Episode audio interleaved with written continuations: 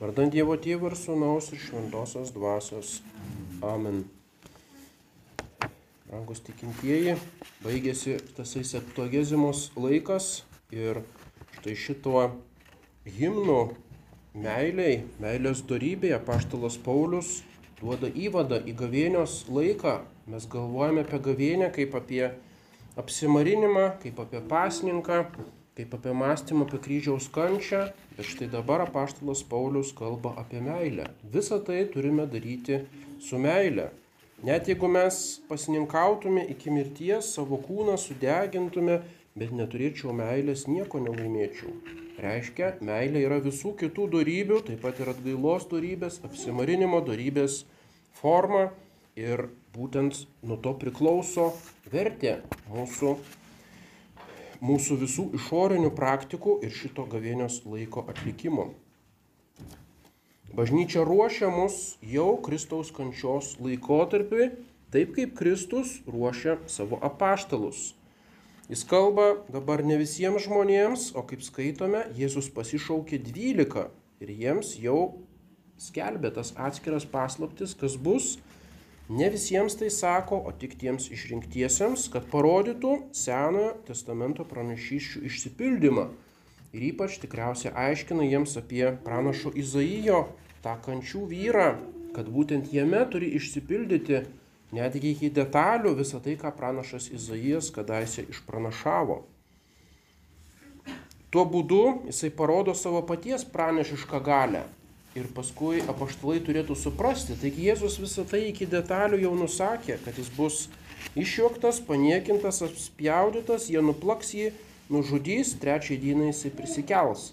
Ir net visą tai išsipildžius, jau net nepaisant Senojo testamento, kad tai įvyko, tai jau tai turėtų būti prana, e, apaštalams didžiausias tikėtinumo ženklas. Bet dar reikėjo atskirų Jėzaus Kristaus apsireiškimų po prisikėlimo, kad vis dėlto juos įtikintų. Reiškia, tų mokinių galvos tikrai buvo labai silpnos, kad priimtų tas tikėjimo paslaptis. Jis iš anksto norėjo įspėti mokinius, kad jie nenusiviltų. Štai kitus gelbsti Jėzus Kristus, o pat išsigelbėti negali. Ne, tai buvo ne kažkokia Jėzų netikėtai užklupusi neganda, o visa tai jau buvo numatyta prieš amžius jo tėvo išmintyje paskelbta per pranašus ir jis pats tai žinojo, reiškia jis pats laisvą valią visą tą kančią prisijėmė. Ir kam visa ta kančia? Būtent, kad parodytų Dievo meilę žmonėms. Tas meilės momentas yra svarbiausias šitoje kančioje. Ne išoriniai darbai svarbus mūsų kentėjimuose, bet ta meilė. Taip ir Dievas savo darbais įrodo savo pasigailėjimą. Jis ne tik tai kažką tai sako, bet būtent visą tai įkvepia savo meilę žmonijai. Jeigu net pranašaučiau, jeigu atiduočiau savo kūną, bet neturėčiau meilės, visą tai neturėtų vertės. Ir Jėzus Kristus ne tik pranašavo, jis ne tik atidavė savo kūną iki mirties, bet įrodė savo meilę tėvui, nes visą tai jis vykdė būtent iš šitos intencijos. Dabar pasilieka tikėjimas, viltis ir meilė, tos teologinės darybės, kurių nesuvokė pagonių filosofai, kurių nežinojo net Platonas, kuris dės išvystė, ar kiti filosofai, kurie vystė apie mokymą, apie darybės, apie tas tris dieviškasias darybės, mes žinome būtent iš šitos vietos apaštalo Pauliaus laiško korintiečiams. Tai yra tipiškai krikščioniškos darybės. Tai yra esmė krikščioniško gyvenimo, kuris pranoksta bet, kokį, bet kokius natūrales žmogaus pastangas ar natūrales darybės. Gavėnė turi vesti prie tikėjimo sustiprinimo, prie vilties įtvirtinimo ir prie meilės.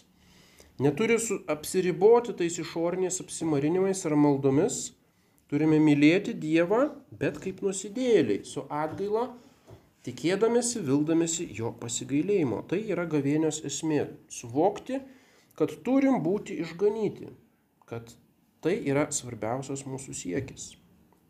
Ir tik tai tokią laikyseną turėdami mes vaisingai pasninkausime, mes atsisakydami kažko tai suvoksime, kam tai daroma. Ne todėl, kad tai kažkoks tai paprotys, bet kad atsilygintume bent menkų ženklų meilę į meilę. Tada vienysimės su Kristaus kančia būtent toje intencijoje.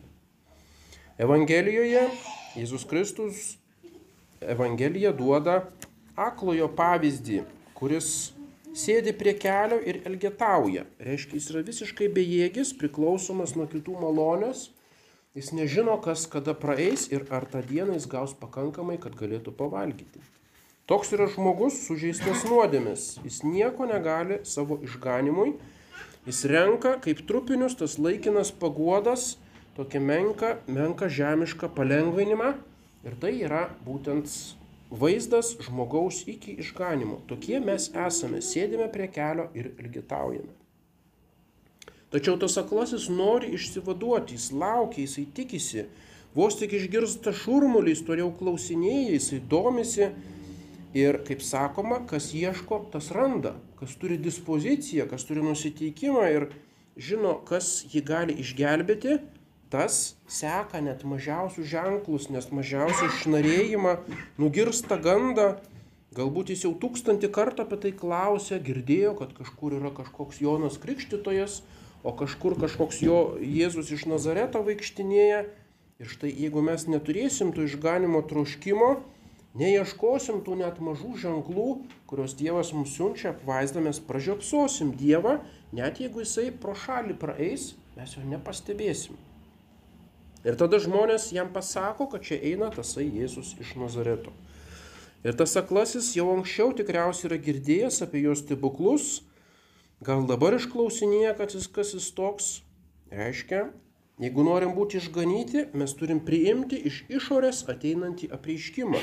Mes negalime jo patikrinti, mes negalim patys pamatyti, pačiupinėti, bet kiti žmonės mums pasako, kaip tam aklajam. Tai yra tikėjimo darybė Fides ex auditu. Mes tikime tuo, ką mums pasakė kiti. Tai yra tikėjimo pagrindas ir iš to yra tikėjimo nuopelnas. Neregys galėjo savo skeptiškai galvoti, ar čia jam tiesą kalba, ar čia tas Jėzus iš tikrųjų yra gelbėtojas, kam čia dabar kvaršint galvą, kam čia laidyt gerklę. Ai, sėdėsiu, čia daug tokių praeina, nieko čia vis tiek nebus iš to mano gyvenimo.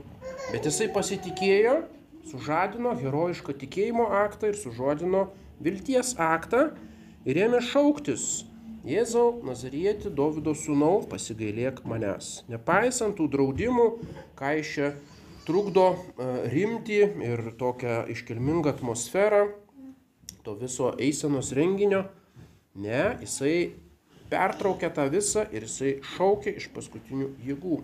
Davido sūnau, pasigailėk manęs Tas šūkis Davido sūnau reiškia, kad tai yra Mesijas išpranašautas Sename testamente, kuris bus iš Davido giminės naujasis Jeruzalės karalius. Tuo būdu jis išpažįsta tikėjimą į jo mesieniškumą, su viltimi jo šaukės. Jis prašo ne laikinos išmaldos, ne kažkokio laikino gėrio, o esminio pasigailėjimo, reiškia išvadavimo iš visų kančių sielos išganimo. Jis prašo to, kas yra svarbiausia. Tada praeiviai įtildo, kaip ir mūsų pasaulis.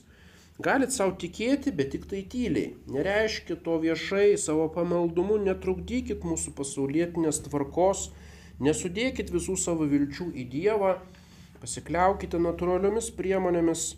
Gal manai, kad dėl tavęs menko žmogelio Dievas padarys kažkokiu ypatingu stebuklu, ir taip toliau. Taip kalba ir mums pasaulis, bet neregys atsilaiko, jis nepasiduoda tam naturalizmui, ieško išganimo be saiko, nepaisydamas to žmogiško saiko.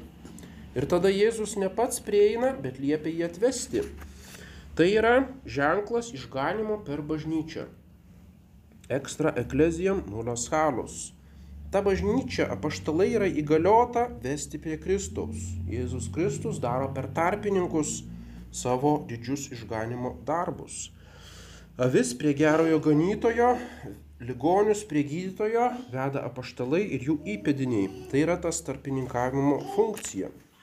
Ir kas tarėsi prieisęs be to tarpininkavimo, jis nemato, kad pats yra aklas ir kad jam reikia kitų pagalbos.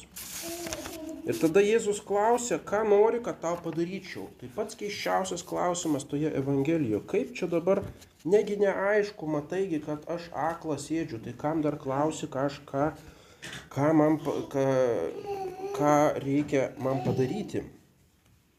Juk kitoje vietoje, mato Evangelijoje, jums dar neprašius jūsų tėvas žino, ko jums reikia. O čia taigi visi mato aplinkui, ko tam neregiui reikia. Visiems aišku, kad jisai nori praregėti. Tačiau būtent Jėzus Kristus nori, kad mes prašytume. Prašykite ir gausite. Dievas ir taip žino visą, ko mes galime kada nors prašyti ir jis mums suteikia daugiau, negu mes sugalvojam, ką nors prašyti. Tačiau tam ir yra malda, kad mes išreikštume tą intenciją, kad mes pripažintume savo priklausomybę ir melstume tų malonių. Tokia yra maldos prasmė. Ne kad Dievą informuoti, o kad mus formuoti, mūsų sielą formuoti. Melsti turime net kasdienių įprastų dalykų. Duok mums kasdienės duonos, nors žinau, kad už penkių minučių pats nueisiu į parduotuvę ir nusipirksiu tos duonos. Ne, turime melsti visų šitų dalykų.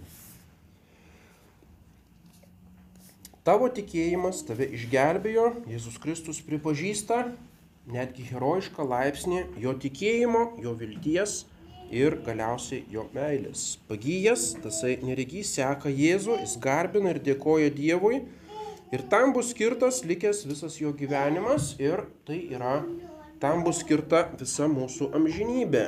Padėkoti už išganimo darbą, padėkoti už tai, ką Jėzus Kristus mums padaręs. Toks stebuklas įvyksta kiekvieno įtikėjimo metu, kada žmogus atsiverčia Nuo dvasios akių nukrinta lyg žvinai, jam atsiveria dangus, suvokiame jo paslaptis. Ir tai yra pažadas katechumenams, kurie gavėnios laiku, būtent yra visas katechumenato paskutinis etapas per gavėnę iki krikšto Velykų metu. Ir jie gavėnioje turi praregėti, kad priimtų krikštą. Tas praregėjimo arba šviesos prieimimo simbolika yra viena svarbiausių krikšto sakramente. Taigi būtent prieš pelenų trečiadienį, prieš šitą gavėnios pradžią, katekumenams ir rodomas to neregio pavyzdys. Nes jie jau gali sužadinti šitą tikėjimą, gali sužadinti ant gamtinę viltį. Jeigu ištversime tikėjimu, seksime Kristų, tada išsipildys skaitinio žodžiai Dabar mes regime lyg veidrodyje mislingų pavydalų, o tuomet regėsime akis į akį, nes praregėsime atsivers mūsų dvasios akis. Dabar pažįstu iš dalies, o tuomet pažinsiu, kaip pats esu pažintas. Amen. Vardant Dievo Tėvų ir Sūnaus ir Šventosios dvasios. Amen.